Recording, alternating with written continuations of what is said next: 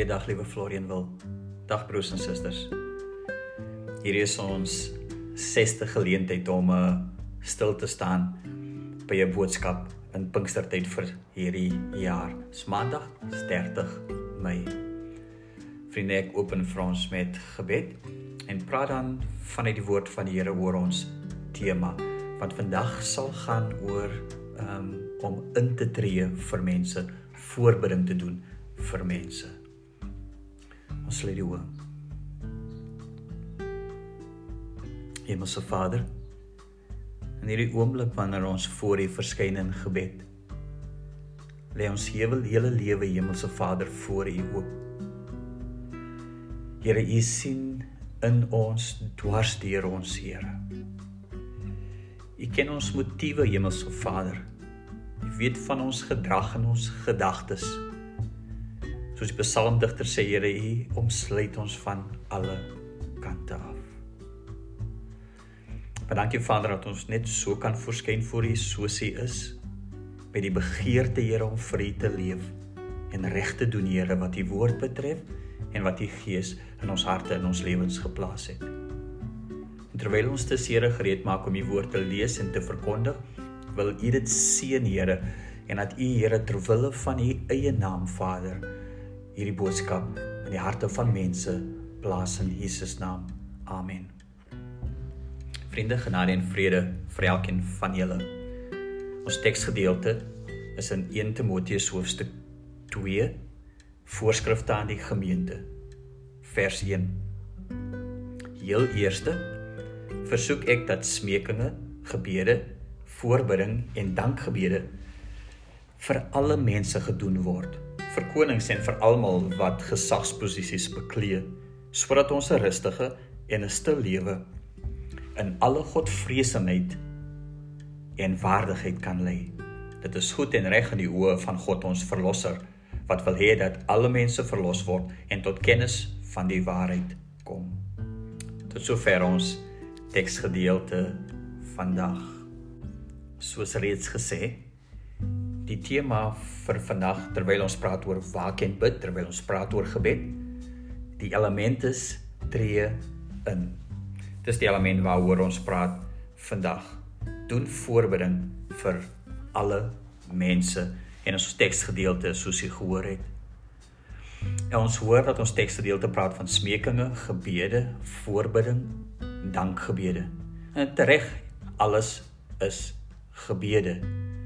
Um en ons fokus vandag is op voorbereiding en tog het elkeen van hierdie 'n eie kwaliteit en 'n eie fokus daaromtrent ook. Vir voorbereiding om in te tree. Dit beteken om betrokke te raak aan God se werk en God se plan vir hierdie wêreld. As jy voorbereiding doen, is dit altyd ter wille van ander. Om tussen ander en God te staan, maar voor God te staan en vir ander in te tree by hom. Daarom is die fokus nooit op eie behoeftes nie, net nooit nie. Dis maar net om by die Here te bly. Dit gaan oor die verlossing van ander mense. Die enkele voorbeelde wat ek het sien ons byvoorbeeld hoe Jeremia in Jeremia 18 vers 20 hieroor praat en dan sê die teksgedeelte onthou dat ek voor u gestaan het om vir hulle 'n goeie woord te doen om u woede van hulle af te keer. Jeremia 18 sal jy ken as die hoofstuk wat handel oor die pottebakker en die klei. Maar die tweede gedeelte waar uit ons teks kom is 'n gebed van Jeremia tot die Here dat die Here sy uh vyande tot 'n val moet moet bring. So dit gaan daaroor dat Jeremia sê ek het voor u gestaan, voor God ter wille van ander sodat God se woede hulle nie kan tref nie. Nog 'n voorbeeld is die van Moses. Ons lees dit in Psalm 106 vers 23.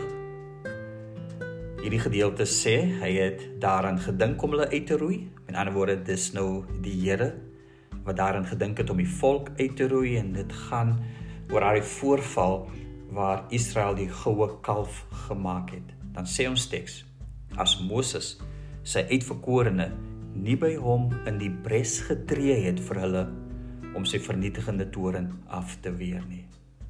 Ons leer hier van die mooi woord in die prestree. Die Engelse vertaling hiervan sal sommer sê to stand in the gap. En hierdie voorval broers en susters is dan van Moses en hoe hy dit gedoen het. Ons volgende gedeelte en voorbeeld is die van Abraham. Abraham wat bid om die behoud van Sodom en Gomorra. Jy ken die verhaal van uit Genesis hoofstuk 18. En dan in daai gedeelte sal daar staan, maar Abraham het nog voor die Here bly staan. As een of twee vertalingsmoontlikhede hieroor, maar kom ons bly staan by die 2020 vertaling hiervan om voor die Here te bly staan oor ander mense. En u sal onthou dat Abraham het gebid vir regverdiges byvoorbeeld. Dat die regverdiges in hy twee stede nie om moet kom nie. Bly staan voor die Here. En jy ken die gedeelte hoe Abraham telke male met die Here gepraat het oor die regverdiges in Sodom en Gomorra. Wat 'n mooi voorbeeld vir ons vandag en wat ons tog vir elkeen wil aan herinner dis ook presies wat Jesus doen. Hebreërs 7 vers 25 sê dit is waarom hy ook volkome in staat is om hulle wat deur hom na God toe kom te verlos omdat hy altyd leef om ter wille van hulle in te tree. Jesus tree in vir sy kinders. Jy sal onthou die episode van Getsemane, nê? Jesus se worsteling daar was dit eintlik het dit gegaan oor die verlossing van die totale mensdom. Maar ons onthou ook dat daarmee saam met hierdie intree van Jesus eventually dan as hy by die Vader aan die regterhand sit, onthou ons dan dat dit het hom 'n offer gekos. En dit was alles gebaseer op sy liefde vir ander mense, gehoorsaamheid aan sy hemelse Vader aan die opdrag wat hy ontvang het. Chris van Wyk sal byvoorbeeld hieroor sê en dan sal hy vir Andrew Murray aanhaal dat alle groei in die geestelike lewe verband hou met 'n groeiende insig in wat Jesus vir ons is.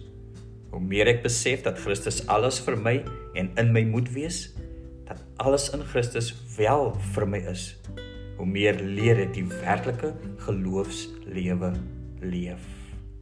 En dit is deel hiervan voorbereiding om in te tree vir ander mense As ek hierdie doen soos Jesus doen, dan leef ek die werklike geloofslewe.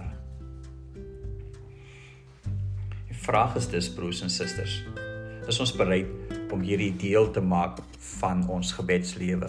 En as ons dit nie doen nie, wat sê dit van ons? Wat beteken dit? Miskien is dit omdat ons nie liefhet nie, dat ons nie voorbereiding doen nie of intree vir ander mense nie. Die klem val beslis op ander ander mense. En daarom gaan dit oor liefde. Johannes Calvin sal byvoorbeeld sê die mees praktiese manier om liefde te bewys aan ander mense is om vir hulle voorbereiding te doen. Maar ons volg Jesus en dit het ons reeds vir mekaar gesê. Om die ware geloofslewe te leef beteken dat ons vir Jesus Christus navolg. En daarom beteken dit omdat Jesus ook so voorbereiding doen uit liefde vir ons, is dit ook deel van ons lewe en ons gebedslewe. Ons volg Jesus. En wat ook waar is, dis nie dat as ons met God praat oor ander, in besonder oor hulle verlossing, dat ons praat voor 'n toedeur, dat ons moet soepat en klop asof niemand die deur wil oopmaak, is nie so nie. God wil red. Dis wat God wil doen. En God wil ons daarin gebruik. Ons is die gestuurdes van die Here, maar ons is ook die voorbidders en die mense wat vir die Here vra dat hy dit wat hy graag wil hê vir die wêreld waar sal maak. 1 Timoteus 2 vers 4 wat ons gelees het sê immers God wil hê dat alle mense verlos moet word. En so dis wat God vra, dis wat God se versoek is en daarom bid ons en sluit ons dit in in ons gebedslewe dat ons vir ander uiteindelik sal bid vir hulle verlossing. Eastman en ek sluit hiermee af wil hê dat ons vir drie dinge moet bid eintlik. Hy sê onder andere bid vir werkers in die oes en as jy die woorde hoor dan onthou jy Matteus 9 vers 38. Dis toe Jesus die skare van mense gesien het, hulle innig jammer gekry het. Hulle gesien dat hulle verward en verstrooi is soos skape sonder 'n herder, en toe het hy vir sy disippels gesê: "Die oes is groot, maar die arbeiders min. Bid daarom die Here van die oes dat hy arbeiders uitstuur om sy oes in te samel." Hierdie is 'n opdrag vir alle mense om te bid vir arbeiders.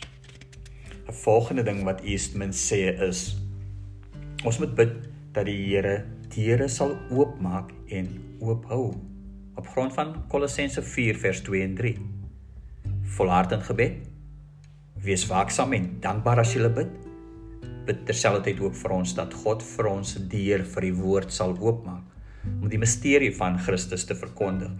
Dit waarvoor ek in boeye is en bid dat ek dit met die regte woorde sal kan verduidelik.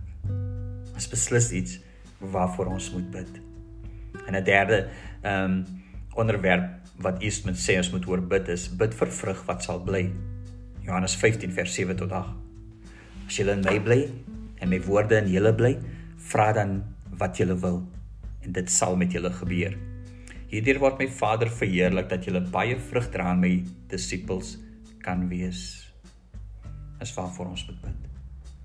Ons sluit dus hierdie gedeelte in in ons gebedslewe. Waaksaam is ons besig om in te tree vir ander mense en vir God se wêreld. Amen. Ek doen vir ons 'n gebed broers en susters. Dankie Here vir nog 'n aanhoor van 'n element Here van gebed.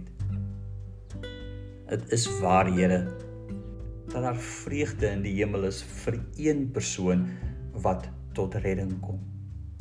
En daarom Here weet ons ook dis ons taak wat voor hy opgevaar het vir ons gesê het disippels van mense maar tot in die uithoeke van die aarde dat U vir ons gesê het Here dat ons vissers van mense sal wees dis waarvoor ons geroep is.